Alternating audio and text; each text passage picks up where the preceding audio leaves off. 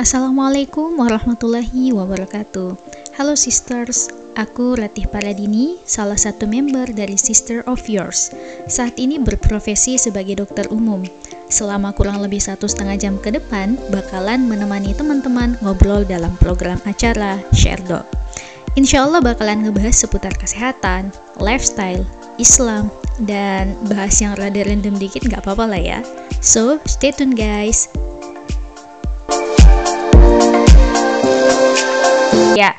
Uh, jazakumullah khairan katsiran Biljana bagi teman-teman yang sudah join pada kesempatan kali ini. Jadi kita bakalan bahas tentang masalah kasus yang lagi viral ya. Teman-teman udah pernah lihat, baca atau dengar tentang kasus tujuh janin hasil aborsi yang sudah dilakukan sejak tahun 2012 ya tujuh janin yang disimpan di kotak makan merek Tupperware jadi kita bakalan bahas kurang lebihnya tentang uh, hal yang berkaitan dengan itu. Ya, berkaitan dengan masalah tupperware-nya. Bukan ya, bukan. Tapi berkaitan dengan masalah aborsinya ya.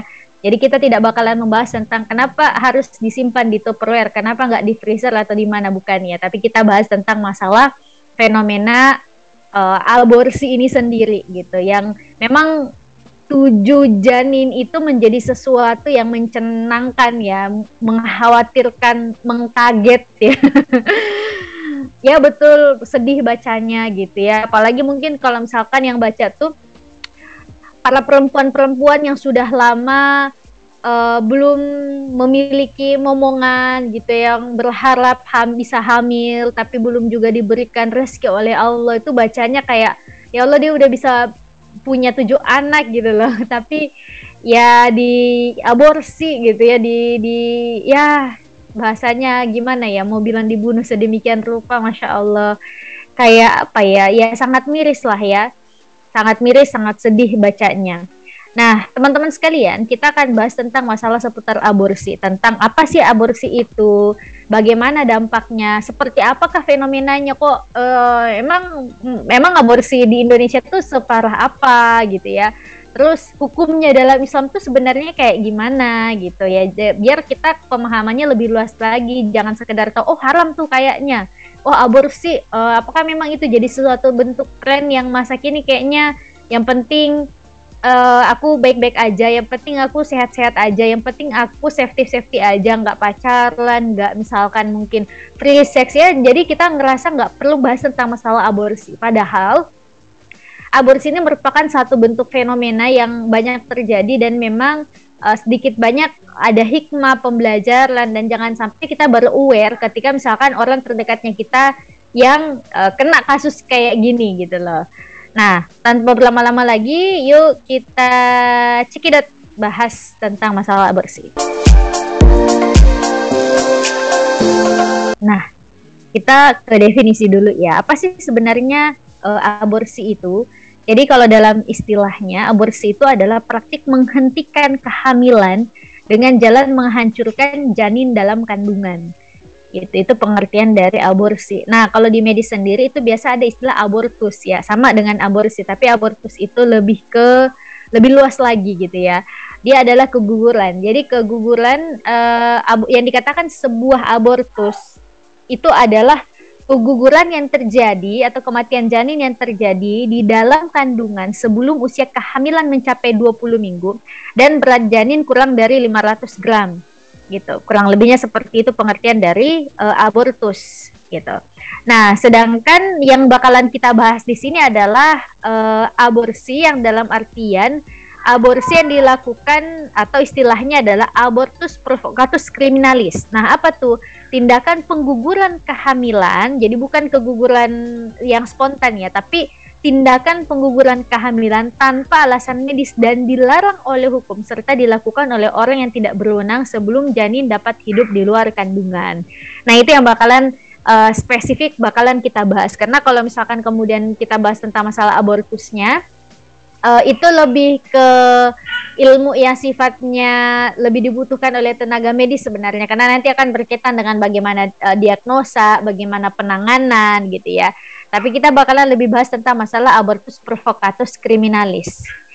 atau atau yang biasa disebut sebagai aborsi. Jadi aborsi itu sendiri teman-teman sekalian ada tiga ya. Ada aborsi yang spontan alamiah atau abortus spontaneus gitu. Dia berlangsung tanpa tindakan apa pun. Nggak dikasih obat, nggak minum jamu-jamuan, nggak di uh, kuret dan lain sebagainya, tapi terjadi keguguran gitu.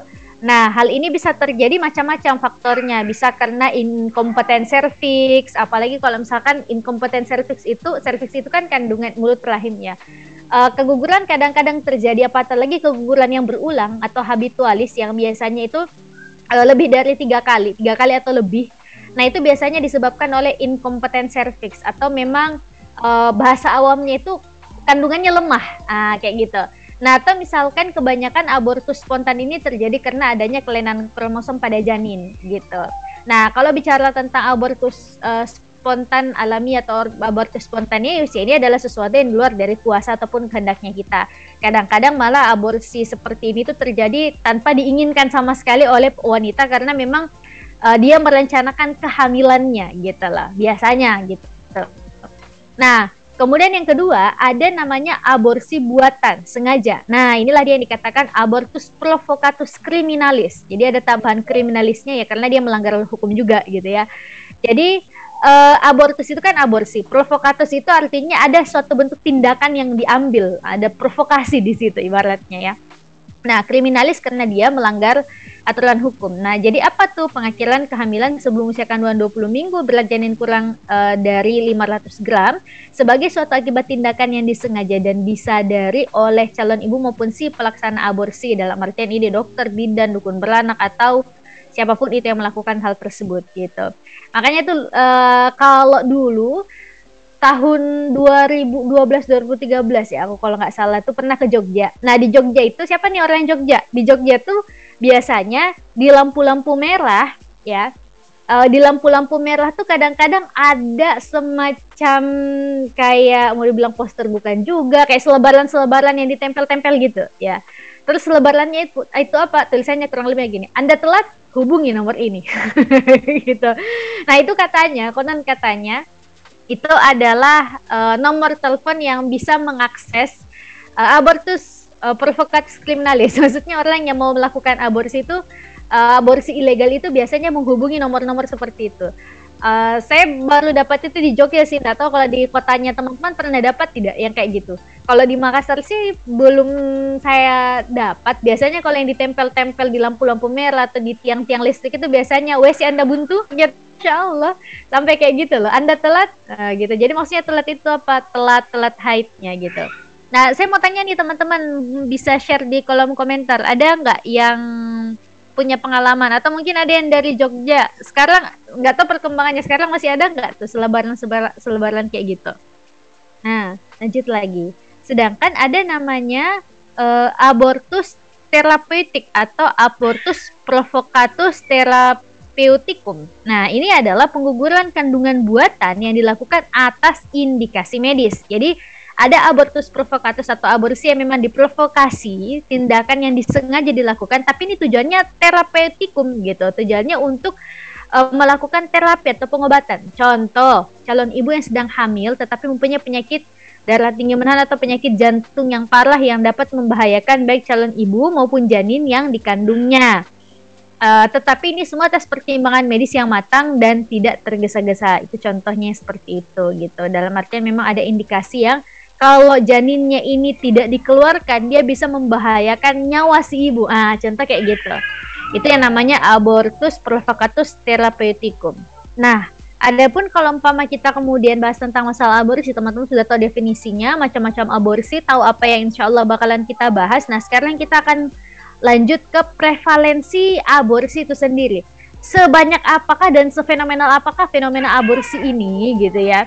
Nah, di luar negeri, khususnya di Amerika Serikat, dua badan utama yaitu Federal Center of Disease Control FCDC dan Alan Guttmacher Institute atau AGI telah mengumpulkan data aborsi yang menunjukkan bahwa jumlah nyawa yang dibunuh dalam kasus aborsi di Amerika uh, kurang lebih hampir 2 juta jiwa. Lebih banyak dari jumlah nyawa manusia yang dibunuh dalam perang mana pun dalam sejarah negara itu. Jadi sebagai gambaran ya teman-teman sekalian, kebayang. Uh, ketika terjadi perang ya contohnya misalkan perang Vietnam. Jumlah kematian orang Amerika Serikat di perang Vietnam itu 58.151 jiwa. Di perang Korea 54.246 jiwa. Perang dunia kedua nih perang yang paling banyak memakan korban jiwa itu pun uh, data orang Amerika yang uh, meninggal itu 407.316 jiwa. Perang dunia pertama 116.708 jiwa. Civil War perang sipil 498.332 jiwa. Nah, tetapi ternyata Masya Allah, kalaupun di total-total se dalam sejarah dunia, ternyata jumlah kematian karena aborsi jauh melebihi jumlah orang yang meninggal dalam semua perang jika digabungkan sekaligus. Digabungkan aja nih teman-teman sekalian ya, ternyata jauh lebih banyak kasus yang itu melakukan aktivitas uh, aborsi yang kurang lebih sampai 2 juta jiwa gitu. Nah, jadi kebayang ya kalau misalkan kemudian aborsi ini dilakukan, yang aborsi ini dilakukan 2 juta jiwa ini adalah abortus provokatus misalkan ya. Karena saya tidak tahu ini datanya adalah data apakah ini data kasar semua aborsi jenis aborsi ataukah memang uh, hanya sekedar mensurvei abortus provokatus kriminalis. Tapi kebayang tidak teman-teman? 2 juta jiwa itu 10 persennya aja yang abortus provokatus kriminalis itu udah banyak banget jadi kebayang kalau misalkan ini semua adalah aborsi yang ilegal, ada 2 juta ya jiwa, ada 2 juta perempuan-perempuan yang menjadi pembunuh berdarah dingin yang itu mengorbankan atau membunuh darah dagingnya sendiri. Kebayang nggak? betapa rusaknya peradaban manusia hari ini. Wah, kalau misalkan mungkin kita bilang, wah itu di Amerika kak kan mereka orang yang liberal, orang yang memang bebas, nggak kenal agama. Oke, ayo kita lihat bagaimana prevalensi aborsi di Indonesia. Setiap tahun tak kurang dari 56 juta kasus aborsi di seluruh dunia. Ya, itu kalau seluruh dunia setiap tahun 56 juta ini semua kasus aborsi ya, aborsi jenis apa pun itu termasuk uh, abortus spontaneus tadi. Di Indonesia sendiri, berdasarkan data survei demografi dan kesehatan Indonesia SDKI, tingkat aborsi mencapai 228 per 100 ribu angka kelahiran hidup. Itu cukup tinggi teman-teman sekalian. Nah, data data tahun 2010, eh, Badan Penelitian dan Pengembangan Kesehatan Kementerian Kesehatan Republik Indonesia dalam kajiannya di tahun 2012 menemukan angka kejadian keguguran secara nasional adalah 4 persen. Nah, dari semua kejadian keguguran ada 6,54 persen di antaranya adalah kasus aborsi. Nah, jadi uh, lebih jelasnya lagi, WHO pada 2004 itu memperkirakan ada 20 juta kasus aborsi tidak aman di dunia. Jadi abor aborsi yang tidak aman itu adalah ya abortus provokatus kriminalis tadi ya. Sebanyak 9,5 persen di antaranya terjadi di negara berkembang. Di wilayah Asia Tenggara, WHO memperkirakan sebanyak 4,2 juta aborsi dilakukan tiap tahun dan sekitar 750 ribu sampai 1,5 juta terjadi di Indonesia. Ternyata teman-teman, ya Indonesia juga angkanya tinggi gitu loh. Nggak bisa misalkan kita mungkin uh, terlalu pede ya, uh, meng menganggap bahwa saya, oh itu kan di Amerika, Amerika liberal. Ternyata di Indonesia yang itu mayoritas penduduknya adalah Muslim perempuan-perempuannya ada sekitar 750 ribu sampai 1,5 juta melakukan aktivitas aborsi. Beberapa penelitian yang dilakukan tahun 2000 menemukan bahwa angka aborsi Indonesia itu mencapai sebesar 2 juta jiwa per tahun. Angka ini terus mengalami kenaikan. Sebuah penelitian yang dilakukan sejenis pada tahun 2004 memperkirakan angka aborsi Indonesia mencapai 2,3 juta per tahun dan sekitar 750 ribu di antaranya dilakukan oleh remaja. Nah, jadi kalau misalkan kemudian kita lihat ya, ya harusnya ini membuat kita amazed bahwa ya Allah ternyata sudah sebanyak itu ya. Uh, kan tidak mungkin orang itu langsung melakukan aborsi tanpa ada proses sebelumnya gitu. Nanti akan kita lihat kenapa sih sampai orang itu melakukan satu bentuk aborsi gitu. Nah, dari data alasan melakukan aborsi, kalau di Amerika Serikat ini antara lain satu, eh, uh, 75% itu menjawab tidak ingin memiliki anak karena khawatir mengganggu karir, sekolah, atau tanggung jawab yang lain. Yang kedua, dia tidak memiliki cukup uang untuk merawat anak, itu sekitar 66%. Dan yang ketiga, tidak ingin memiliki anak tanpa ayah. Jadi kalau kemudian kita lihat dari alasan-alasan ini ya, kenapa kemudian uh, aborsi ini dilakukan? Ini sampelnya data dari Amerika, tapi kurang lebih yang menjadi alasan-alasan perempuan di Indonesia juga melakukan aktivitas aborsi itu ya tidak berbeda, tidak jauh berbeda. Karena kenapa? Ya karena malu. Kenapa malu? Soalnya dia mengalami kehamilan yang tidak direncanakan. Kenapa dia mengalami kehamilan yang tidak direncanakan? Ya karena dia tidak melalui institusi pernikahan. Gitu loh. Kan kalau misalkan teman-teman sekalian ya, kalau misalkan kemudian uh, kita lihat komparasinya ya, orang yang sudah menikah dengan orang yang tidak menikah. Kalau dia hamil gitu ya, gimana kira-kira kalau orang yang sudah menikah? Gitu kan. Wah seneng tuh dapat garis dua gitu ya dapat dapat uh, apa namanya dua garis biru bukan ya bukan garis biru garis merah gitu. Dapat positif wah masya Allah alhamdulillah gitu. Seneng terharu. Orang yang dengarnya gimana? Orang yang mendengar juga terharu bahagia gitu kan. Nah tapi kalau misalkan orang yang itu taruhlah dia pacaran gitu ya terus dia itu uh, pas tes spek dapat garis dua. Gitu. Ternyata dia positif hamil. Kira-kira bagaimana? Dia senang atau sedih? Dia senang atau galau? Dia senang atau frustasi? Gitu. Dia pasti merasa apa? Frustasi sedih marah bingung gitu ya. Stres depresi. Kenapa? Karena memang tidak diinginkan gitu. Kenapa tidak diinginkan? Masih sekolah belum nikah. Nggak mau dia terganggu nanti sekolahnya dia juga nggak mau kalau misalkan punya anak tanpa ayah karena belum menikah belum juga uh, belum pasti juga si pasangan atau kekasihnya yang menghalam, meng, menghamili dia juga bakalan meminta pertanggungjawaban gitu. Maksudnya bakalan mau bertanggung jawab gitu. Nah kemudian apa lagi? Kemudian banyak ada juga kemudian uh, yang mengalami aborsi yang melakukan aborsi ya uh, meskipun dia sudah menikah, tapi dia melakukan aktivitas aborsi karena kenapa? Salah satunya ekonomi finansial. Dia merasa tidak memiliki cukup untuk merawat anak gitu, sehingga dia memutuskan untuk menggugurkan kandungannya gitu. Nah, jadi kalau misalkan kemudian kita lihat ya, permasalahan-permasalahan ini mayoritas adalah permasalahan karena kenapa? Karena adanya satu bentuk free sex gitu. Jadi, ini juga data ini juga didukung oleh studi dari Aida Torres dan uh, Jacqueline Saruch Forest tahun 98 ya yang menyatakan bahwa hanya satu persen kasus aborsi karena pemerkosaan atau incest.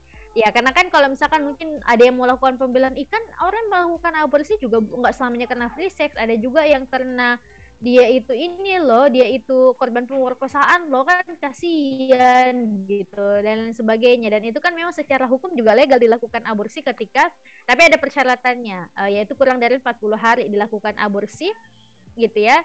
Uh, secara hukum juga dibenarkan kalau umpama itu terjadi uh, karena uh, pemerkosaan gitu. Ya tapi itu ternyata hanya satu persen gitu loh tiga persennya karena membahayakan calon ibu gitu ya karena alasan yang tadi ya terapeutikum gitu. Uh, karena alasan ya untuk menyelamatkan nyawa si ibu. Dan tiga persen karena janin akan bertumbuh dengan cacat tubuh yang serius. Sedangkan 93% kasus aborsi adalah karena alasan-alasan yang sifatnya untuk kepentingan diri sendiri termasuk tidak mampu membiayai, takut dikucilkan, malu atau gengsi.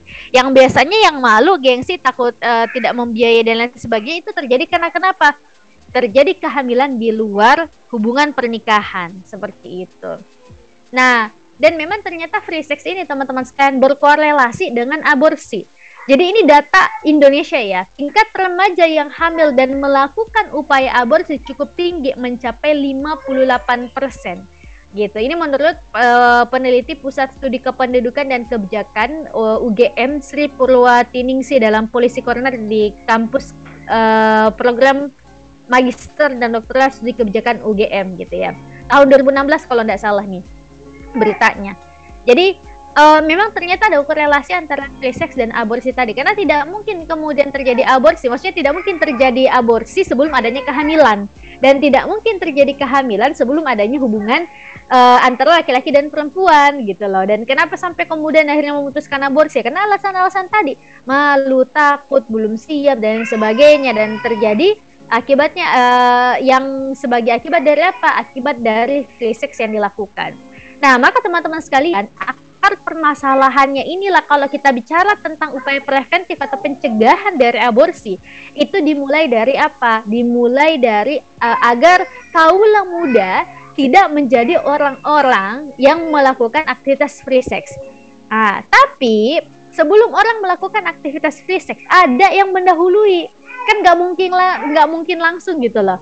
Nah apa yang mendahului? Yang mendahului itu adalah aktivitas pacaran gitu loh salah satunya ya meskipun tidak semua orang pacaran berlahir dengan free sex tapi orang rata-rata free sex itu berawal dari pacaran gitu Nah, pacaran itu bermula dari apa? Pacaran kan nggak mungkin orang ketemu langsung, yuk kita pacaran. Ayo, kan nggak ya? Tapi bermula dari mana? Bermula dari adanya interaksi-interaksi yang dilakukan, yang interaksi itu adalah interaksi-interaksi yang melanggar hukum syariat.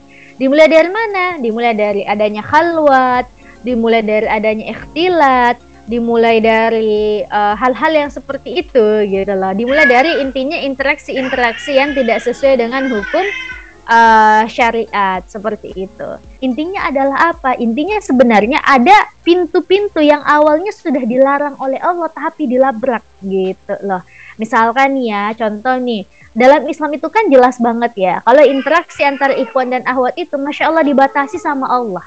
Dibatasinya itu bukan bukan buat kita susah, tapi itu betul-betul bentuk penjagaan. Karena gini loh, Allah yang paling tahu betul bagaimana laki-laki itu dan bagaimana potensinya.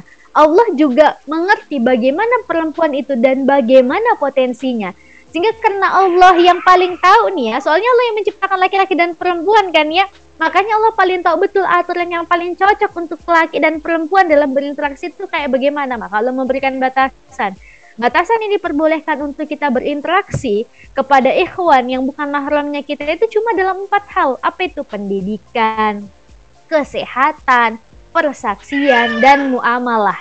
Pendidikan itu dalam artian kita kerja kelompok, boleh ada laki-laki. Kita misalkan uh, belajar mengajar dosennya laki-laki mahasiswinya perempuan. Boleh yang penting nggak berhalwat ya.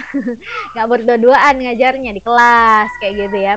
Kemudian apalagi? Kesehatan. Dokternya laki-laki pasiennya perempuan. Boleh gitu kemudian apalagi e, persaksian hakimnya laki-laki gitu ya misalkan saksinya perempuan boleh muamalah penjual pentolannya laki-laki, pembelinya perempuan, penjual sayur, penjual ikannya cowok, pembelinya perempuan, boleh. Kerjasama e, buat usaha dengan laki-laki juga boleh gitu ya. Nah, tetapi selama tetap tidak tidak melanggar batas-batas hukum syariat seperti itu. Itu yang kemudian e, apa namanya yang harus diperhatikan gitu loh. Nah, tapi kalau misalkan kemudian kita lihat fenomenanya hari ini, kadang tuh kita tahu nggak boleh sebenarnya pacaran, kadang tuh kita tahu nggak boleh sebenarnya campur baur, kadang tuh kita tahu nggak boleh sebenarnya bestian dengan laki-laki punya teman geng. Hayo lo siapa siapa sih yang biasanya misalkan kalau kita geng-geng ngerasa nggak keren kalau dalam gengnya itu cewek semua gitu ya. Atau misalkan mungkin foto yang diupload di sosmed sama cewek semua nggak ada cowoknya gitu ya. Circle-nya cewek semua gitu ya. Nah akhirnya kemudian ngerasa bahwasanya uh, banyak ya banyak yang teman-teman dulu itu pernah kalau aku isi kajian tentang masalah batas interaksi antara laki-laki dan perempuan banyak yang biasa nanya gini gimana ya uh, Tih ya? Kalau misalkan aku tuh dari dulu dari zaman zaman SMA tuh Bestian eh, memang circle-nya teman gengnya tuh ada cowok minimal ada satu atau dua orang gitu. Dan memang kayak gimana ya curhat sama cowok tuh beda sama cewek. Kalau cewek kita tuh gampang gibah tapi kalau gaul sama cowok tuh kita nggak bakalan gibah gitu loh. Ada aja eh, apa namanya pembahasan-pembahasan yang lebih asik gitu loh sekedar ngegibahin orang. Tapi kalau Bestian sama cewek semua circle-nya jadi itu deh gibah gitu ya atau misalkan mungkin ngerasa lebih nyaman kalau sama cowok gitu ya. Ngerasa bosnya aku nggak ngapa-ngapain cuma cerita doang. Cuma jadi teman curhat doang. Ya teman-teman sekalian di situlah awal mulanya. Dan yang namanya kemudian awalnya eh, apa namanya hanya sekedar temenan. Tapi kalau misalkan interaksi itu senantiasa dilakukan lama-lama apa? Timbul rasa nyaman. Habis timbul rasa nyaman ah akhirnya gimana ya uh, akhirnya kemudian bisa timbul rasa gitu loh. Nah, dari timbul rasa akhirnya apa? Akhirnya kemudian menimbulkan keinginan untuk punya hubungan yang lebih lagi. Nah, kan seperti itu perasaan itu bisa muncul karena terbiasa gitu loh. Nah, da, uh, dan inilah yang menjadi sebuah bentuk fenomena di mana di kehidupan kita hari ini yang namanya campur baur, yang namanya kemudian interaksi laki-laki dan perempuan di luar dari batasan syariat itu dianggap sebagai sesuatu yang B aja, dianggap sebagai sesuatu yang biasa, dianggap sebagai sesuatu yang lumrah gitu. Padahal itu adalah sesuatu yang tidak seharusnya dilakukan. Nah, akhirnya apa? Gara-garanya di awal kita itu membangkang aturan Allah, merasa lebih pintar dari Allah, merasa bahwa enggak kok kalau sama cowok yang penting kan kita punya batasan. Seolah-olah kita lah yang membuat batasan, padahal yang paling tepat, yang paling bisa membuat batasan itu bukan manusia, teman-teman, tapi Allah gitu loh. Nah, maka apa yang terjadi ketika manusia melanggar batas-batas yang sudah Allah tetapkan, karena merasa pintar, karena merasa uh, aturannya itu benar dan lain sebagainya, maka apa yang terjadi? Maka yang terjadi tadi keterusan lah sudah timbul rasa apa yang terjadi mulai kemudian punya hubungan gitu. Ketika kemudian sudah punya hubungan apa yang terjadi? Ya mulailah kemudian uh, pacaran. Kita pacaran nggak ngapa-ngapain kok. Ngapain pacaran kalau nggak ngapa-ngapain, ya kan? Nah, kemudian apa? Normally yang namanya manusia laki-laki dan perempuan itu kayak ibarat magnet positif dan negatif. Ketika kemudian didekatkan, ia bakalan dapat gitu loh. Nah, teman-teman sekalian, yang namanya orang itu ketika misalkan dia pacaran, dia tidak bakalan suka ataupun senang stagnan dengan tingkat kemesraan yang sama Awalnya mungkin gak ngapa-ngapain, cuma boncengan kok, cuma ngantar jemput doang. Lama-lama apa? Mulai bisa pegangan gitu kan. Cuma pegangan kok gak ngapa-ngapain, pegang tangan doang, tangan doang, tangan, lengan, gak nggak nggak sentuh-sentuhan yang lebih dari itu gitu loh. Kalau wudhu juga nggak sentuhan kok, nanti wudhunya batal. Gitu ya.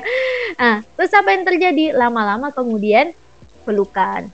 Lama-lama kemudian uh, cuma lama-lama lebih daripada itu. Nauzubillah min zalik gitu ya. Dan lama-lama apa yang terjadi? Bisa kemudian sampai free sex gitu. Dan akhirnya apa? Bisa melakukan aktivitas aborsi. Nah yang tujuh janin itu teman-teman sekalian itu kan berawal dari mana? Berawal dari pacaran gitu loh yang dia bersama dengan kekasihnya ya meskipun pelakunya itu non muslim sih ya tetapi tetap saja kalau misalkan kemudian kita lihat ya fenomena ini menjadi sebuah bentuk fenomena yang mengerikan. Apalagi tadi ya prevalensi di Indonesia ya secara kasar bisa ternyata bisa mencapai dua uh, 1,5 juta sampai dua ada data yang mengatakan dua bahkan 2,3 juta jiwa gitu loh yang diaborsi dalam satu tahun dalam satu tahun loh ya jadi kebayang dalam 10 dalam kurun waktu 10 tahun berapa ada 23 juta jiwa yang diaborsi gitu. Nah, maukah kemudian kita membiarkan hal ini terjadi? Maka kemudian kita tidak peduli dengan hal-hal seperti ini. Kebayang tidak kita sebagai perempuan yang nantinya menjadi ibu dari generasi, maukah kita punya keturunan-keturunan, punya anak-anak yang melakukan aborsi gitu? Maukah kita seperti itu? Kan kita nggak mau gitu loh.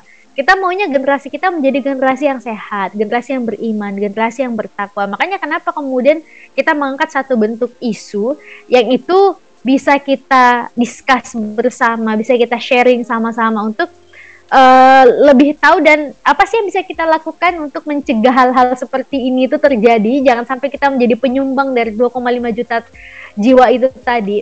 Karena teman-teman gini ya, kalau misalkan kemudian kita lihat khususnya fenomena media sosial hari ini, kampanye-kampanye free sex itu luar biasa mengerikan, ya, luar biasa mengerikan.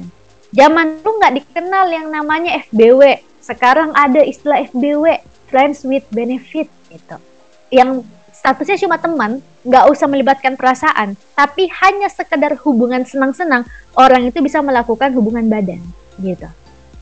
Gitu ya FBW. Jadi friends with benefit. Ya karena yang dipandang sebagai bentuk benefit ya tadi bisa saling memberikan satu bentuk kesenangan. Gitu. Nauzubillah zalik ya. Uh, perzinahan diistilahkan dengan istilah-istilah yang tren, yang kekinian. Gitu. Ya nggak apa-apa seksual konsen. Yang penting dia suka sama suka. Kan nggak ganggu orang lain. Ya padahal yang harus dijadikan patokan bukanlah hal tersebut ganggu orang lain atau tidak? Tapi apakah hal tersebut mengganggu Allah dalam artian melanggar perintah Allah atau enggak? Itu yang harus jadi sebuah bentuk kunci. Lah sekarang kalau kita mau berdakwah mau mengembalikan orang supaya nggak pacaran supaya nggak berinteraksi di luar dari Islam eh, kadang-kadang malah dikata-katain dasar lo polisi moral gitu kan. Ya daripada lo liberal mending gue ya polisi moral. Ya kurang lebih kayak gitu ya. Tapi teman-teman sekalian istilah-istilah ya kekinian yang keren. Kayak misalkan mungkin zaman dulu ya disebutnya kumpul kebo. Itu kan jelek ya istilahnya ya teman-teman sekalian ya. Kumpul kebo. Kebo itu kan binatang gitu loh. Tapi sekarang istilahnya jauh lebih keren dan kekinian. Apa itu? Living together. Hidup bersama. Tapi sama maksudnya kumpul kebo. Maksudnya living together itu sebuah bentuk lifestyle gaya hidup di mana laki-laki dan perempuan dia hidup dalam satu rumah gitu ya sebagaimana orang berumah tangga dan sebagaimana orang melakukan hubungan suami istri, tapi dia tidak terikat dengan hubungan suami istri. Jadi dia dia baru coba misalkan merasakan bagaimana sih tinggal dan hidup sama dia supaya dia bisa lebih mengenal gitu. Itu kata itu alasannya, itu katanya. Dia sudah uh, mulai bisa belajar bagaimana manajemen finansial bersama, bagaimana hidup bersama. Kalau nggak cocok ya udah pindah aja gitu lah. Udah udah nggak living together lagi. Uh, kayak gitu karena tidak terikat oleh sebuah bentuk hubungan pernikahan. Jadi sekarang bahkan hubungan pernikahan itu yang malah dipermasalahkan gitu loh. Kalau umpama misalkan ada yang nikah usia dini uh, uh, di, dianggap sebagai wah ini bahaya dan sebagainya. Lah, tapi mengkampanyekan seksual consent, mengkampanyekan yang namanya FBW, mengkampanyekan yang namanya living together gimana sih? Nih mbak-mbak liberal. Tapi seperti itulah kemudian fenomena sosial yang ada teman-teman sekalian. Maka e, ketika kemudian kita tidak mau peduli, ketika kita kemudian acuh dan lain sebagainya, jangan sampai opini-opini hari ini itu dikuasai oleh kalangan-kalangan liberal tadi. Karena banyak para influencer-influencer di luar sana yang secara tidak langsung ya tadi berusaha untuk mengkampanyekan menanamkan nilai-nilai liberalisme, nilai-nilai sekularisme ke dalam tubuh kaulah muda uh, termasuk kaum muslimin yang menjauhkan kita dari nilai-nilai agama dan al uh, serta Quran dan Sunnah gitu loh. Nah, jadi sekarang ini di NCFB dijadikan tren dan mereka merasa bangga melakukannya. Iya, benar. Itu. Bahkan kalau umpama kemudian di Twitter itu ya banyak gitu loh. Bahkan ada komunitasnya. Ngeri nggak tuh? Sampai ada komunitasnya cuy. Nggak tahu ada grup WA-nya apa enggak ada nggak yang join? Nauzubillah zalik ya jangan sampai di sini ada yang join grup WhatsApp gituan.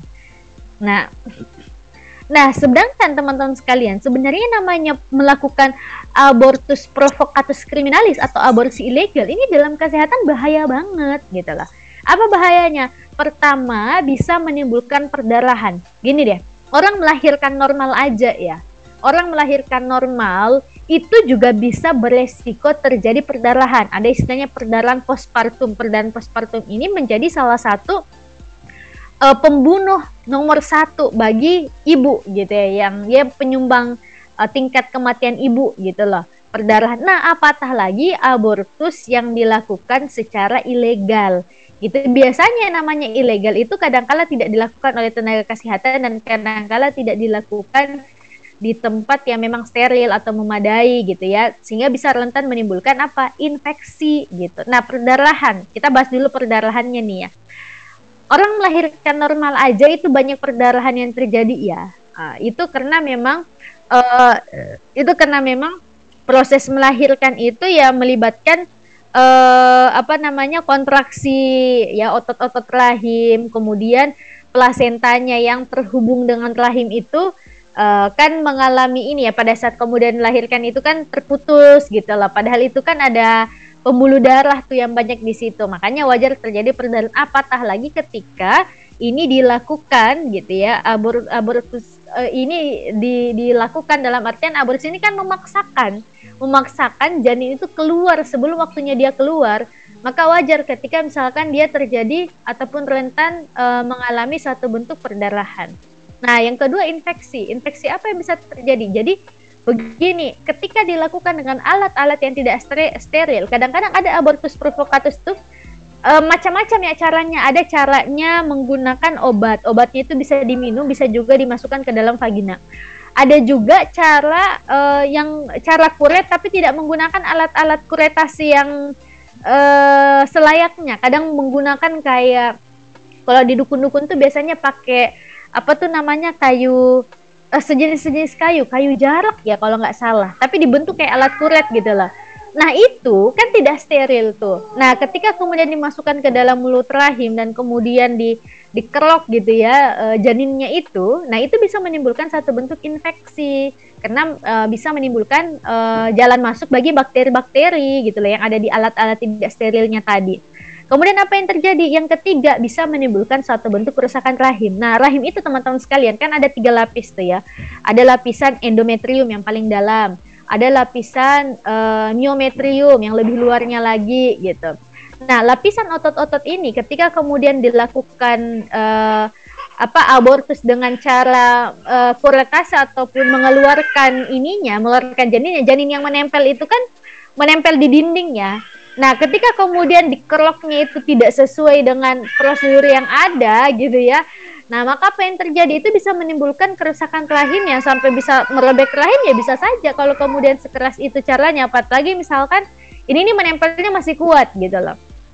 Nah, kemudian yang keempat selain masalah uh, fisik melakukan aktivitas aborsi itu bisa menimbulkan gangguan psikologis juga gitu loh. Kenapa? Ya, ya karena tadi orang yang melakukan aborsi itu dia merasa bersalah, telah membunuh janinnya. Nah, aku pernah punya pengalaman waktu pas masih koas bagian objin ya. Uh, pertama pengalamanku itu aku pernah dapat pasien yang itu dia masih anak kuliah gitu ya. Dia masih kuliah, lagi KKN ya kalau nggak salah waktu itu. Terus masuk rumah sakit. Karena kenapa? Karena perdarahan. Ternyata usut punya usut, dia itu melakukan aktivitas ya aborsi dia hamil di luar nikah masih anak kuliah gitu ya terus dia nekat aborsi habis itu apa waktu itu kondisinya tekanan darahnya udah kena perdarahan hebat ya perdarahan banyak tekanan darahnya udah turun gitu ya sampai harus dikasih infus cairan dua kol kiri kanan gitu di infus lengannya gitu kebayang nggak yang bahkan sebenarnya itu kalau nggak cepat tertangani pada malam itu kalau dia terlambat aja masuk ke rumah sakit itu bisa bisa aja dia meninggal gitu loh. Nah, uh, yang kedua ada juga pasien yang aku pernah dapat gitu ya dia ngakunya sih awalnya ngakunya uh, suami istri gitu datang uh, dan dia juga masuk dengan kondisi perdarahan tapi perdarahannya nggak begitu hebat. Uh, tetapi pas kemudian diperiksa ternyata ya dia apa namanya dia mengalami uh, abortus gitu ya. Diagnosa awalnya kan abortus uh, incomplete atau abortus belum belum keluar sempurna jaringannya masih keluar sebagian gitu loh. Nah cek per cek uh, usut punya usut pas ditanya-tanya di anamnesis dan lain sebagainya akhirnya baru ngaku tuh ya baru ngaku bahwa ternyata yang bawa dia ke rumah sakit itu bukan suaminya tetapi cuma pasangannya dan dia sudah melakukan uh, apa namanya aborsi gitu.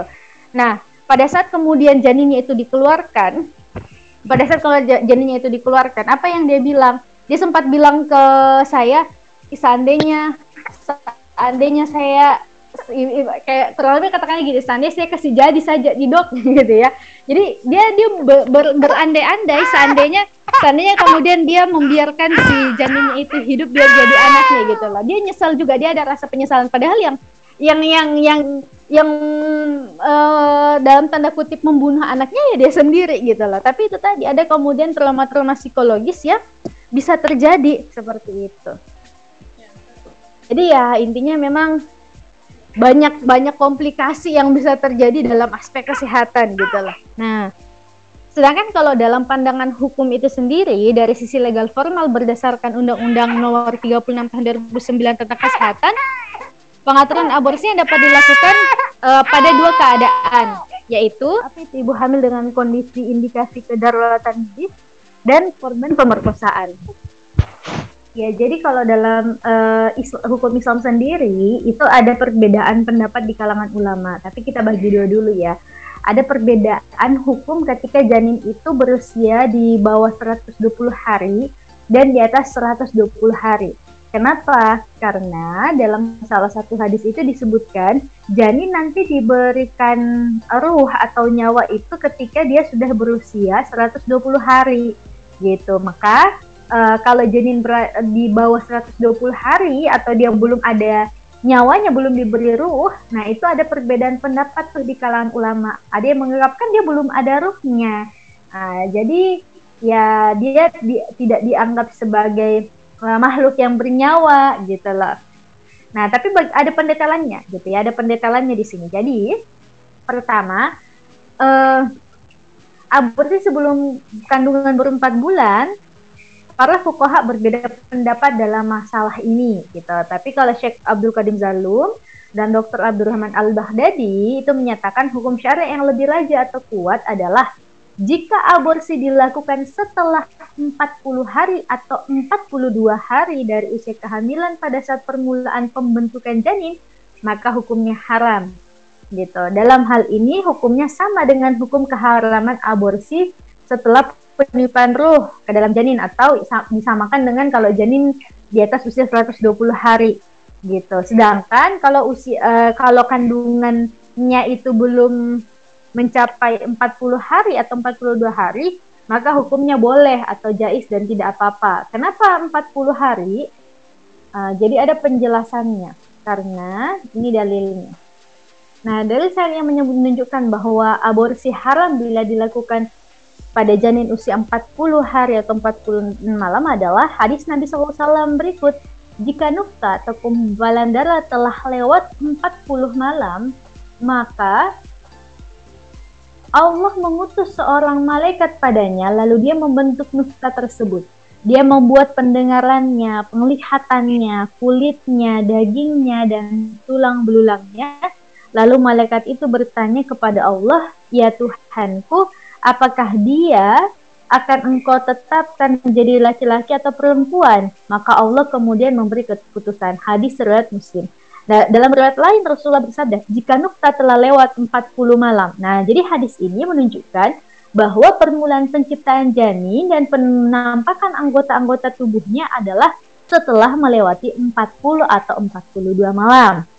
Nah, jadi dengan demikian, penganiayaan terhadap adanya satu uh, penganiayaan terhadap janin yang sudah mempunyai tanda-tanda sebagai manusia itu dianggap sebagai pembunuhan terhadapnya.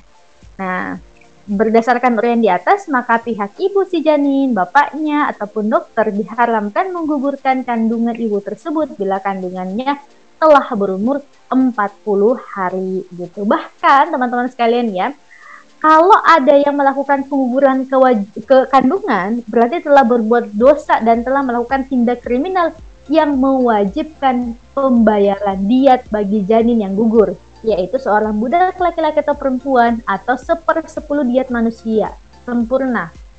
Uh, kalau manusia sempurna 10 uh, yaitu 10 ekor unta gitu. Sebagaimana telah diterangkan dalam hadis sahih uh, dalam masalah tersebut, Rasulullah SAW bersabda, Rasulullah memberi keputusan dalam masalah janin dari seorang perempuan Bani Lihyan yang gugur dalam keadaan mati dengan satu gurwah, yaitu seorang budak laki-laki atau perempuan. Hadis surat Bukhari dan Muslim. Nah, jadi dalam pandangan Islam ya teman-teman sekalian, bukan hanya sekedar misalkan, oh dosa tuh kalau misalkan sudah 40 hari menggugurkan kandung, tetapi bahkan ketika ada yang melakukannya itu dianggap sebagai sebuah bentuk tindakan kriminal yang dalam pandangan Islam satu bentuk tindakan kriminal itu ada satu uh, mekanisme hukum yang denda ibaratnya ya uh, yang harus dibayarkan gitu dietnya. Apa dietnya? Bagi janin itu dietnya adalah seorang budak laki-laki atau perempuan atau sepersepuluh diet manusia sempurna yaitu 10 ekor unta gitu Nah, jadi nggak asal misalkan uh, ini nggak nggak sekedar berdosa, tapi memang ada satu bentuk uh, mekanisme hukum pidana gitu ya, yang diberlakukan kepada eh, orang-orang uh, yang melakukan tindakan tersebut. Nah, sedangkan aborsi pada janin yang usianya belum mencapai 40 hari, maka hukumnya zais dan tidak apa-apa gitu. Uh, ini disebabkan bahwa apa yang ada dalam rahim belum menjadi janin karena dia masih berada dalam tahap sebagai nuftah atau gumpalan darah belum sampai pada fase penciptaan yang menunjukkan ciri-ciri minimal sebagai manusia. Uh, tapi meskipun demikian ya teman-teman sekalian meskipun ada yang memperbolehkan uh, ini terjadi perbedaan pendapat juga gitu. Kalau ini yang dikutip adalah pendapatnya Syekh Abdul Qadim Zalum tadi gitu sama Abdurrahman uh, Al-Baghdadi.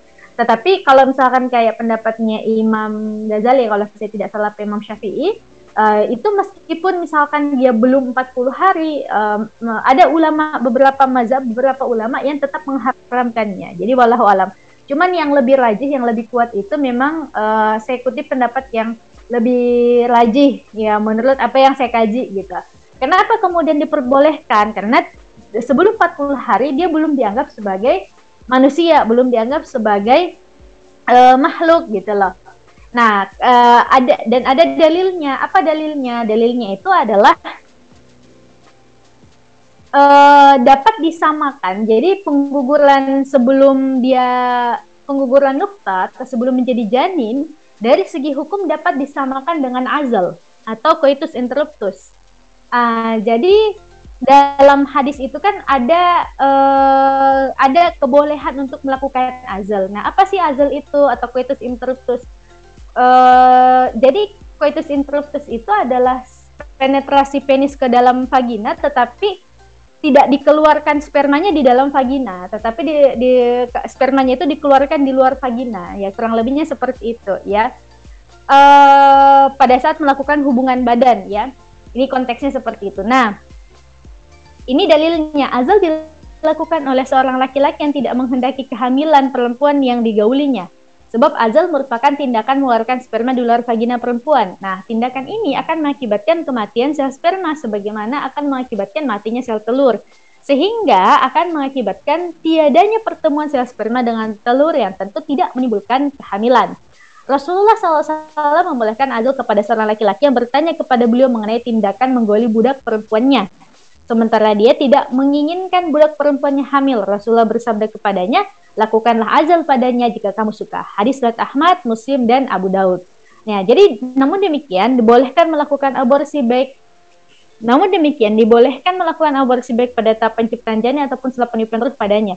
Jika boleh ya teman-teman sekalian, catatannya boleh dilakukan aborsi kalau Dokter yang terpercaya menetapkan bahwa keberadaan janin dalam perut ibu akan mengakibatkan kematian ibu dan janinnya sekaligus.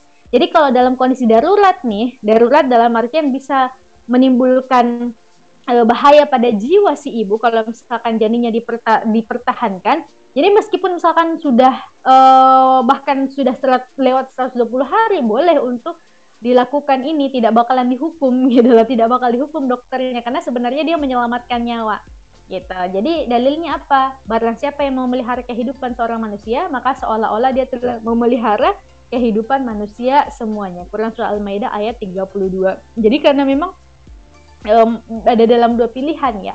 Dan diambil mudaratnya yang paling kecil gitu loh. Jadi mudarat yang lebih kecil adalah ketika menggugurkan uh, janin dan sehingga nyawa si ibu bisa terselamatkan. Nah, kalau usia janin lebih dari 120 hari, Pendapat yang disepakati fukoha bahwa haram hukumnya melakukan aborsi setelah ditiupkan ruh 4 bulan. Didasarkan pada kenyataan bahwa penipuan ruh terjadi setelah 4 bulan masa kehamilan. Jadi Abdullah bin Mas'ud berkata bahwa Rasulullah Shallallahu Alaihi Wasallam telah bersabda, Sesungguhnya setiap kamu terkumpul, kejadiannya dalam perut ibumu selama 40 hari dalam bentuk nukta, kemudian dalam bentuk alaqah, selama itu pula kemudian dalam bentuk mudgah, selama itu pula kemudian ditiupkan ruh kepadanya. Hadis riwayat Bukhari, Muslim, Abu Daud, Ahmad, dan Tirmizi. Nah, jadi maka dari itu, aborsi setelah kandungan berumur 4 bulan adalah haram karena berarti membunuh makhluk yang sudah bernyawa dan ini termasuk dalam kategori pembunuhan yang keharamannya antara lain didasarkan pada dalil-dalil yang lain misalkan di Quran Al-An'am ayat 151 Allah berfirman dan janganlah kamu membunuh anak-anakmu karena kemiskinan. Kami yang memberi rezeki kepada mereka dan kepadamu. Gitu, maupun dalil-dalil yang lainnya. Nah, teman-teman sekalian, pada intinya sebenarnya kita membahas tentang masalah kasus aborsi. Aborsi ini bukan hanya sekedar problem kesehatan, tetapi juga sebenarnya adalah masalah sosial dan ideologi. Gitu. Kenapa kenapa uh, fenomena aborsi ini masalah sosial dan ideologi?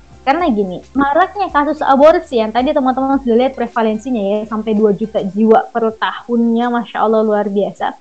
Nah itu karena kenapa? Karena di dalam sebuah society di tengah-tengah masyarakat dan di tengah-tengah ideologi uh, sistem yang itu tidak melaksanakan Al-Quran dan As-Sunnah, kehidupan-kehidupan yang uh, hari ini uh, tidak berlandaskan kepada aturan Allah akan menyebabkan fenomena-fenomena aborsi tadi terjadi. Gini loh. Ketika kemudian sistem yang diterapkan hari ini adalah sistem sekuler, sistem sekuler itu adalah sistem yang memisahkan antara agama dan kehidupan. Nggak usah deh bawa-bawa agama. Nah, kira-kira kayak gitu tuh sekuler kalau mau bawa-bawa agama ke masjid sono jangan ceramah di sini gitu nggak cocok nah kira-kira kayak gitu ya jadi yang namanya Al-Quran itu disempitkan perannya hanya dalam aspek misalkan individu hanya dalam aspek misalkan ibadah mahdo tapi dalam uh, aspek interaksi antara ikhwan dan ahwat nggak mau dipakai Islamnya. Nah, kira-kira seperti itulah sistem sekuler gitu.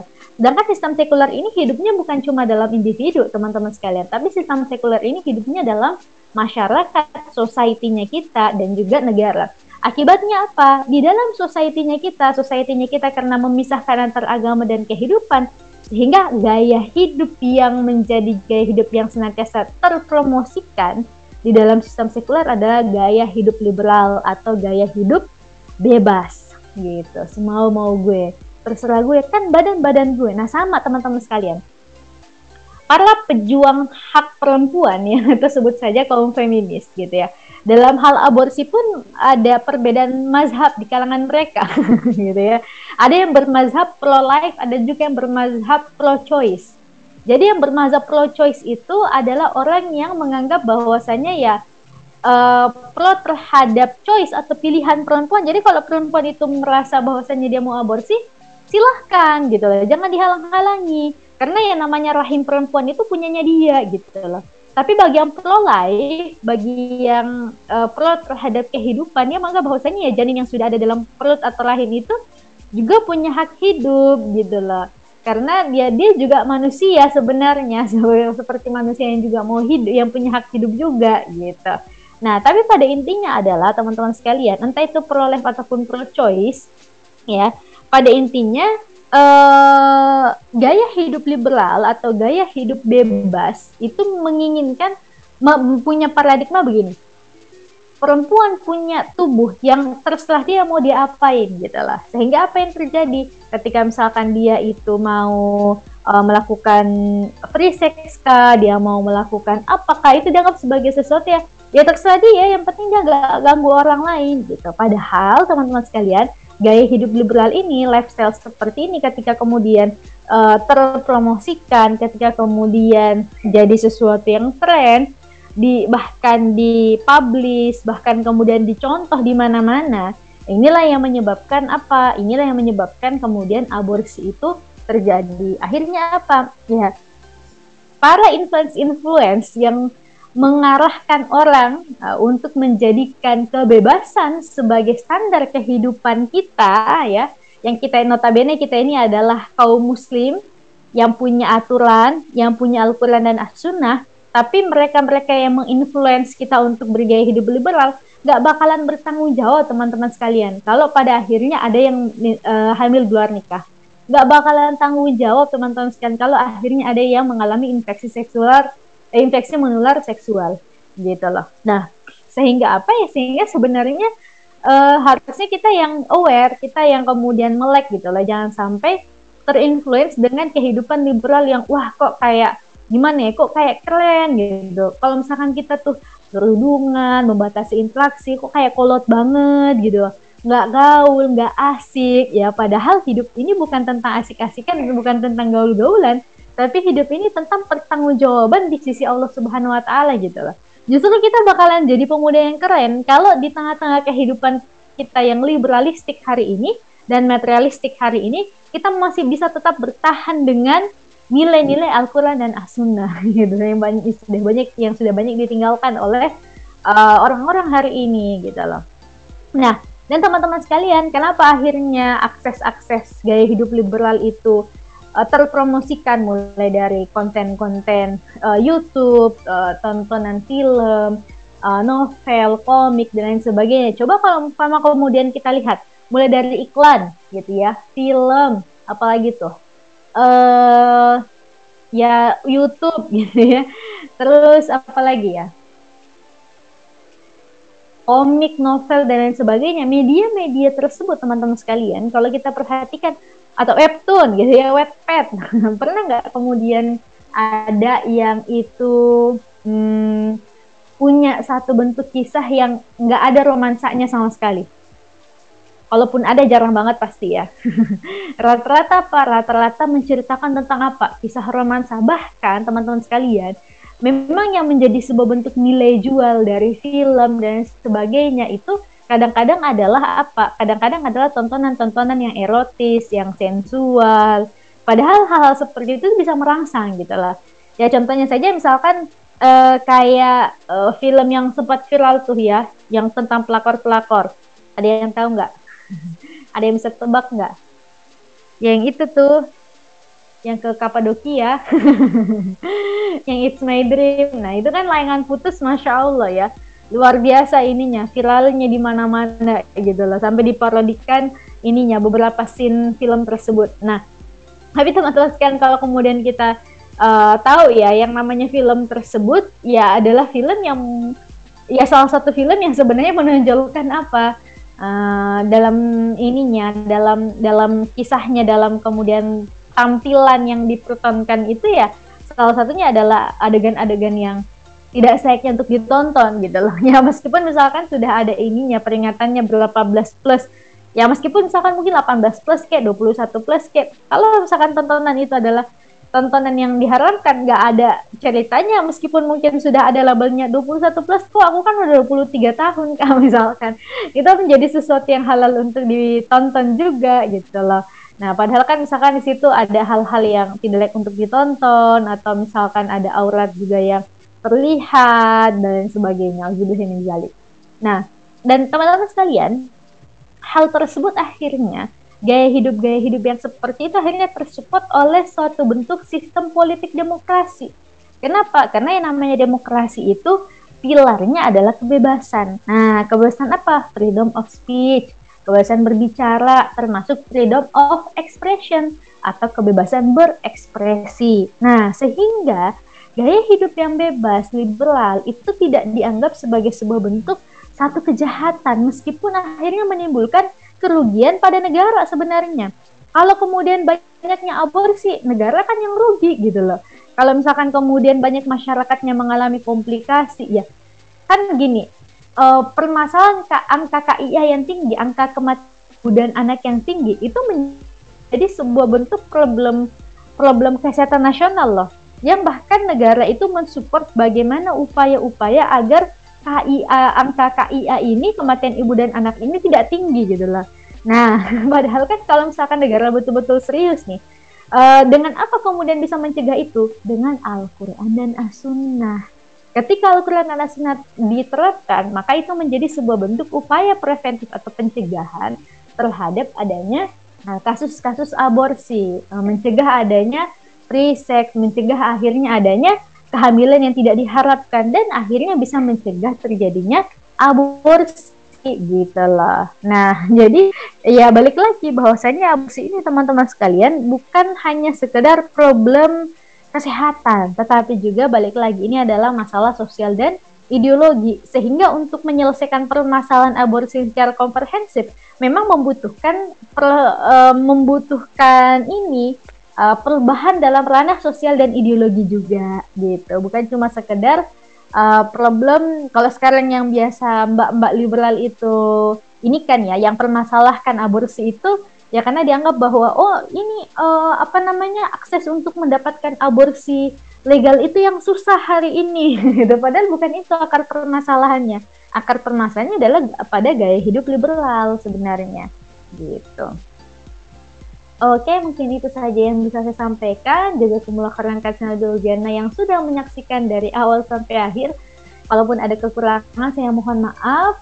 Nanti kalau misalkan teman-teman ada yang mau ditanyakan, kita bisa sharing-sharing selanjutnya. Aku kembalikan kepada Saimin. Masih ada, Min? Masih ada, Masya Allah. Oke, wah terbuka lebar lagi ya pengetahuan tentang terkait aborsi ini ya yang sedang viral dan uh, menjadikan sesuatu yang maklum dan lumrah. Ah, Masya Allah, uh, Budok sangat-sangat membantu kita juga bahwa betapa bahayanya aborsi ini. Nah, uh, Budok, um, masih mau ada kesempatan untuk buka pertanyaan satu atau dua kah? Iya, masih bisa, masih bisa. Oke, okay. uh, eh, kita maksimalkan ya mungkin sampai jam 9.15 ya kalau di sini. Kalau iya. Budok jam 9 aja ya Budok ya? Iya. Oke, okay, satu pertanyaan dulu berarti ya. Oke, okay, satu pertanyaan okay. aja kalau gitu. Dua, boleh dua dua. Oh dua, dua ada, oke. Okay. boleh. Oke, okay, langsung ini ada mungkin yang satu di kolom chat, yang satu di yang raise hand ya. Ditunggu yang raise hand, yang okay. satu kolom chat sudah ada ini. Aku bacakan yang di kolom chat terlebih dahulu. Oke, dari Kak Zain Raihana. Izin bertanya Kak, tapi mohon maaf mungkin sedikit keluar dari topik. Nah, jika aborsi dilakukan oleh pasutri dikarenakan hasil US USG janin memiliki faktor resiko menderita Down syndrome yang notabene biaya untuk kehidupan ke depannya cukup banyak mulai dari perawatannya seperti terapi, masalah jantung, dan lain-lain. Apakah diperbolehkan? Itu yang pertama. Ya. ya. Oke, mau dijawab dulu, Budak? Oke, aku langsung jawab. Oke, silakan. Aku langsung jawab ya. Oke, ya. boleh.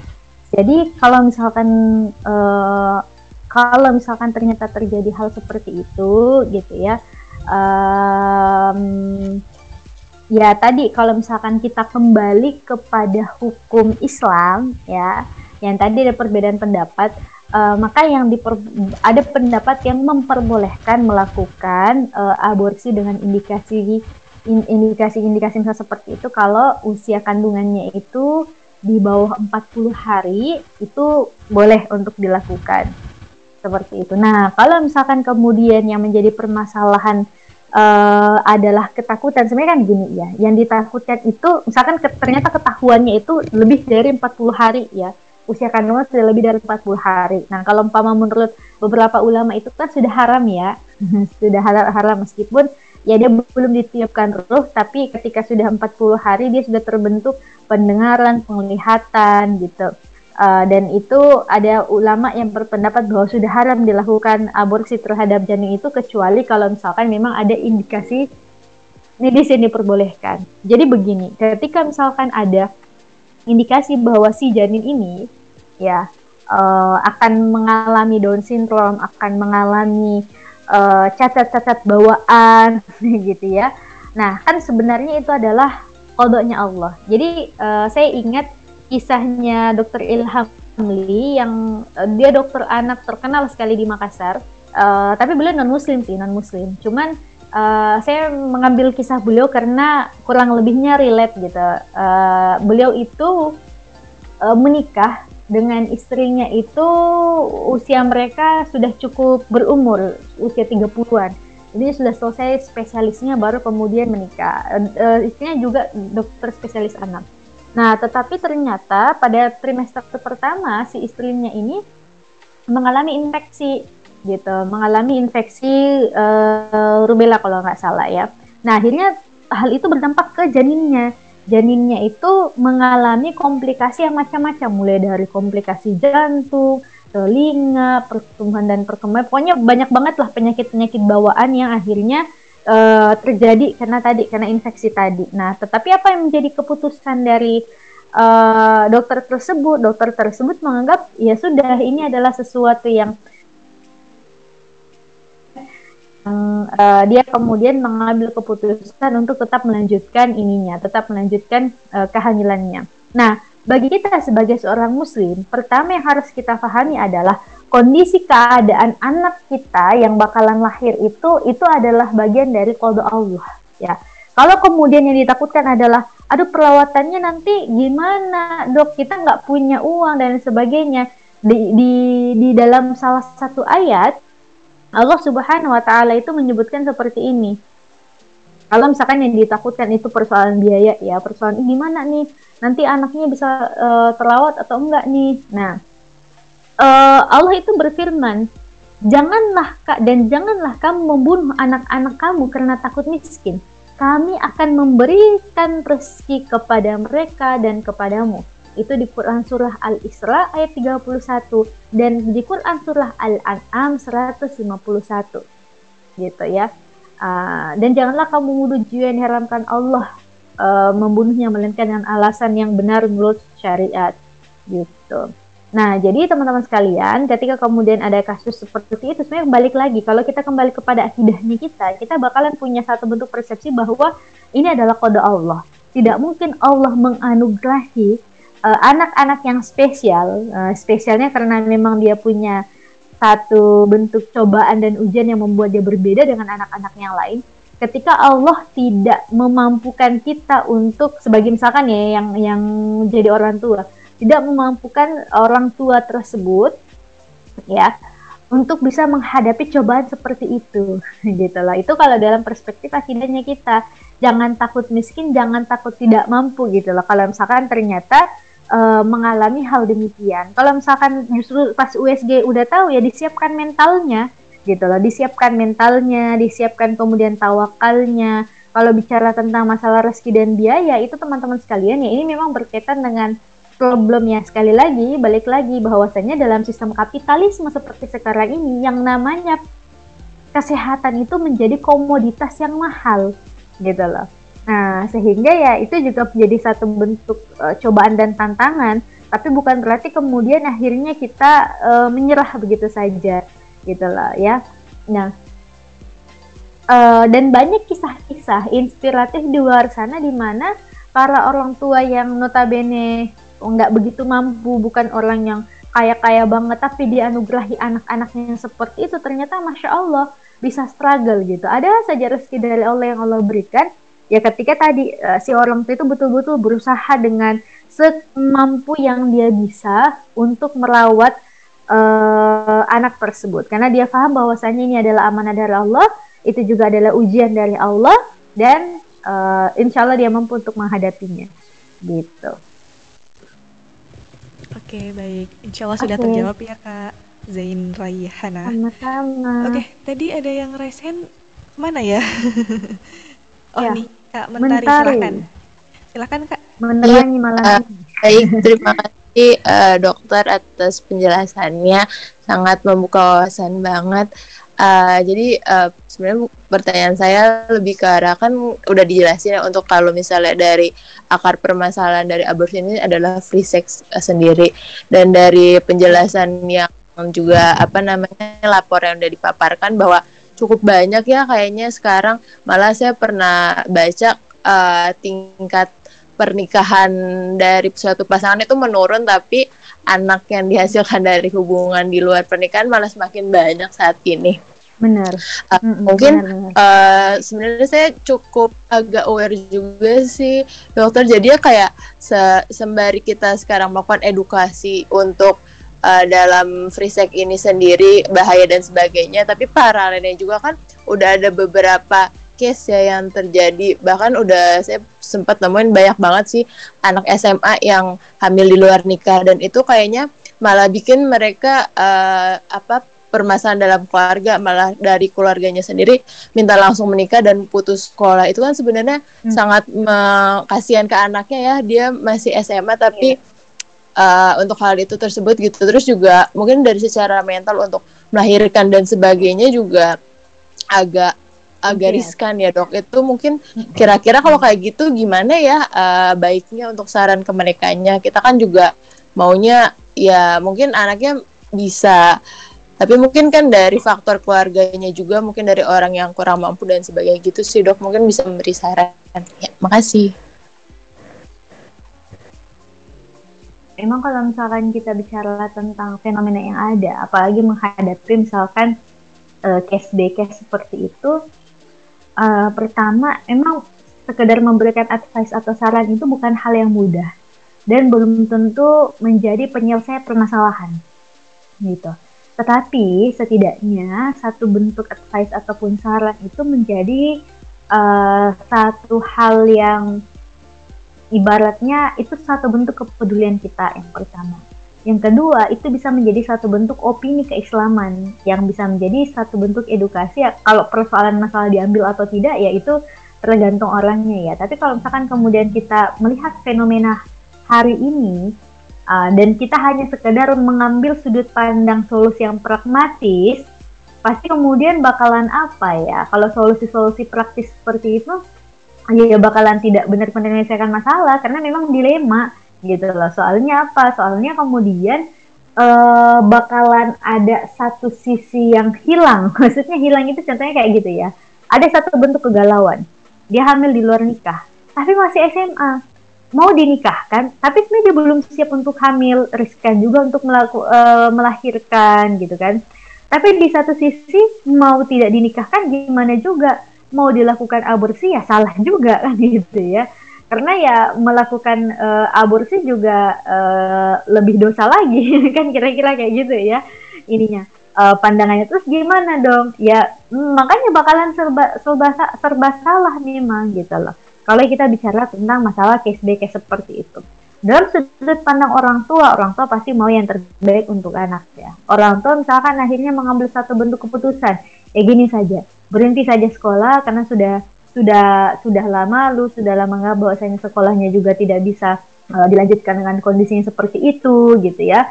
Dan akhirnya kemudian ya sudah nikahkan saja sama siapa tuh yang yang menghamili kamu kan kira-kira kayak gitu. Siapa sih yang menghamili dia? Uh, harus kemudian dinikahkan siapa yang dengan yang menghamili dia gitu. Seolah-olah kemudian ya sudah selesai sampai di situ. Kan kayak gitu ya fenomena hari ini fenomena sosial hari ini yang terjadi dan akhirnya berdampak pada permasalahan-permasalahan berdampak pada uh, pendidikan perempuan yang akhirnya menurun dan lain sebagainya. Nah, terus gimana dong kalau misalkan ada kasus seperti ini? Ya kita melihat dalam aspek fenomena hal ini terjadi, fenomena sosial hari hal ini terjadi karena kenapa? Ada akarnya, ada asal muasalnya, nggak langsung terjadi seperti itu. Dan akhirnya kan kalau sudah terjadi, ya mau gimana lagi? Gak bakalan ada solusi yang memang bisa betul-betul tuntas menyelesaikan permasalahan. Karena ujung-ujungnya solusi-solusi pragmatis itu ya serba salah gitu loh. Padahal sebenarnya kan nggak boleh ya misalkan dia sementara hamil terus langsung uh, dinikahkan kayak gitu. Nah jadi juga apa ya tapi kalau misalkan sudah dilahirkan baru mau dinikahkan pasti keluarga juga merasa malu lebih nggak mau lagi gitu kan keluarga biasanya Nah terus gimana dong? Ya memang ini menjadi sesuatu yang memusingkan, gitu ya. Ya dapat cerita-cerita kayak gini pasti bingung, pasti pusing asli gitu loh. Karena kenapa ya? Karena tadi sudah sudah kejadian duluan dan problemnya adalah hari ini di tengah-tengah uh, kehidupan kita teman-teman sekalian, bukan Al-Quran dan As-Sunnah yang dijadikan sebagai pegangan. Bukan Al-Quran dan As-Sunnah yang dijadikan sebagai pedoman sehingga apa? Sehingga ujungnya masalah-masalah itu diselesai, diselesaikan berdasarkan apa? Ya kepentingan aja kepentingan misalkan keluarga minimal biar nggak malu biar tutup aibnya ya udah nikahkan aja ya gitu loh. Ya udah uh, diputus aja sekolahnya. Nah padahal kalau kemudian dalam pandangan Islam pertama solusi Islam itu adalah solusi yang preventif sebelum kuratifnya ya. Solusi pencegahan Islam melarang aktivitas perzinahan Islam melarang aktivitas yang bahkan mendekati zina saja itu dilarang pacaran, pelukan, ya berhalwat dan sebagainya. Jadi itu upaya preventif. Terus kalau sudah kejadian gimana? Islam itu punya yang namanya hukuman yang tegas bagi pelaku zina. Kalau kemudian pelakunya belum menikah, ya kasusnya misalkan masih anak sekolah belum nikah, sama-sama belum menikah gitu dalam pandangan Islam, orang yang melakukan aktivitas perzinahan itu dihukum cambuk 100 kali. Ngeri? Ngeri kak, ngeri dok. Ya, waduh, ngeri banget cambuk 100 kali. Terus nggak sampai di situ, pelakunya juga sekaligus diasingkan. Gitu loh. Tapi teman-teman sekalian, ngerinya hukum Islam itu sebenarnya dalam rangka untuk apa? Dalam rangka untuk menjaga biar fenomena seperti itu tidak menjamur nggak banyak, nggak marak, orang takut. Jadi ibaratnya itu sebagai sebuah bentuk efek jerah juga bagi pelakunya dan pencegah bagi orang lain untuk uh, nggak melakukan hal yang sama gitu loh. Nah, kemudian hal tersebut juga menguntungkan sebenarnya bagi pelakunya. Kenapa? Ketika hukum tersebut diterapkan bagi dia di dunia, maka di akhirat kelak itu Allah sudah mengampuni dosanya. Ibaratnya itu bentuk pengampunan dosa dia gitu loh. Ketika hukum Allah itu atau syariat itu diterapkan kepada uh, dirinya gitu. Nah kan akhirnya ketika misalkan tapi gimana dong kak? Kalau posisinya dia lagi hamil. Kalau lagi hamil dulu ada kisah ya. Ada seorang yang lagi hamil terus dia mengaku kepada Rasulullah bahwa dia itu hamil dari hasil zina. Apa kata Rasulullah? Pulanglah dulu uh, lahirkan uh, lahirkan dulu anaknya setelah lahir anaknya, dia datang lagi kepada Rasulullah. Rasul katakan, uh, pulanglah dulu, susui saja anakmu sampai dua tahun.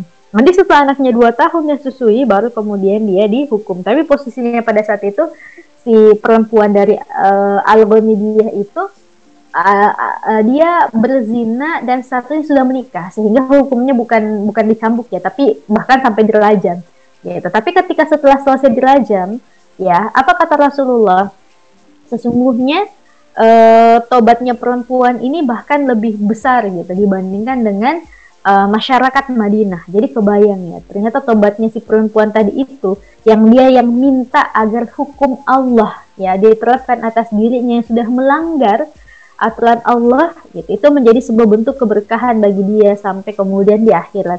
Bahkan tobatnya itu masya Allah mengalahkan orang-orang Madinah. Padahal penduduk Madinah itu jangan dikira penduduk Madinah isinya Abu Bakar Umar ya para sahabat-sahabat salaf ya, para sahabat-sahabat uh, apa namanya asabikunal awalun gitu ya yang awal-awal masuk Islam gitu para orang-orang soleh soleha masya Allah Nah, tetapi berkat tadi tobatnya, kenapa? Ada bentuk kesadaran bahwa dia mau menerapkan Al-Quran uh, dan As-Sunnah kepada dirinya yang sudah melanggar hukum aturan Allah gitu. Nah, sehingga memang ketika kemudian aturan Islam diterapkan, uh, itu bisa menjadi sebuah uh, penghapus dosa juga ya bagi para pelakunya. Uh, dan uh, ketika society di suatu wilayah yang menerapkan syariat Islam, standarnya bukan lagi standar materi, tapi standarnya adalah standar Islami. Jadi ketika misalkan ada yang melanggar dan akhirnya uh, dilakukan hukum uh, sesuai dengan Al-Quran kepada individu tersebut, ya maka keluarga tidak merasa miris ataupun malu karena merasa bosannya, ya sudah diterapkan Al-Quran atas dia, gitu loh, atas anggota keluarganya tadi, gitu. Nah, itu yang sebenarnya diharapkan bahwasannya adanya upaya preventif dan hukuman tegas itu bisa menjadi sebuah pencegah agar tidak banyak yang melakukan hal yang sama gitu. Ya, jadi mungkin apa ya kalau dikomparasikan dengan uh, hal yang sekarang ya memang kita seolah-olah apa ya maju maju kena mundur kena begini salah begitu salah ya tadi karena emang nggak diterapkan Al-Quran. Nah itu beda halnya ya kalau kasusnya adalah pemerkosaan. Kalau kasusnya adalah perzinahan ya tadi uh, fokusnya adalah kepada aspek zinanya. Dan kalau misalkan bahkan sampai melakukan aborsi ya harus dihukum berdasarkan ya balik lagi hukum syariat Islam yang tadi gitu. Jadi hukum Allah itu teman-teman sekalian mungkin kayak ngeri, mungkin kayak kayak sadis, tapi sebenarnya itu adalah aturan yang Allah paling tahu betul itu adalah sesuatu yang terbaik bagi manusia. Allah tahu bagaimana bebalnya manusia. Allah tahu bagaimana susahnya ngatur kita gitu loh. Nah, makanya Allah memberikan beberapa aturan-aturan beberapa uh, dan Allah tahu betapa menjijikannya dan betapa hinanya yang namanya perbuatan zina. Makanya tidak main-main uh, hukuman Allah yang Allah berikan kepada perilaku-perilaku seperti itu. Karena itu adalah sebuah bentuk kriminalitas. Karena itu adalah sebuah bentuk hal yang bukan hal yang bisa dipandang sepele ataupun dipandang ya sudah deh uh, udah terlanjur ya nikahin aja. Gitu ya bukan bukan hal yang sesimpel itu untuk diselesaikan seperti itu. Mungkin uh, itu saja yang bisa saya sampaikan. Semoga kemudian ada manfaatnya tapi kalau untuk sekarang sehingga gimana dong kak kalau uh, aku tambah dikit ya, tambah dikit lagi. Terus gimana dong kalau kasusnya terjadi sekarang, sedangkan Al-Quran itu belum diterapkan? Ya pertama kita berusaha untuk memegang Al-Quran sekuat dan semampu yang bisa kita lakukan secara individu, gitu.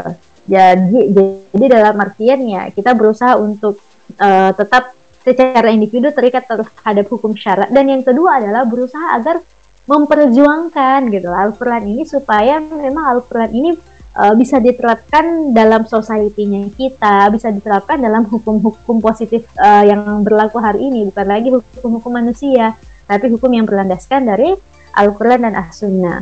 Gitu. Itu mungkin yang bisa saya sampaikan.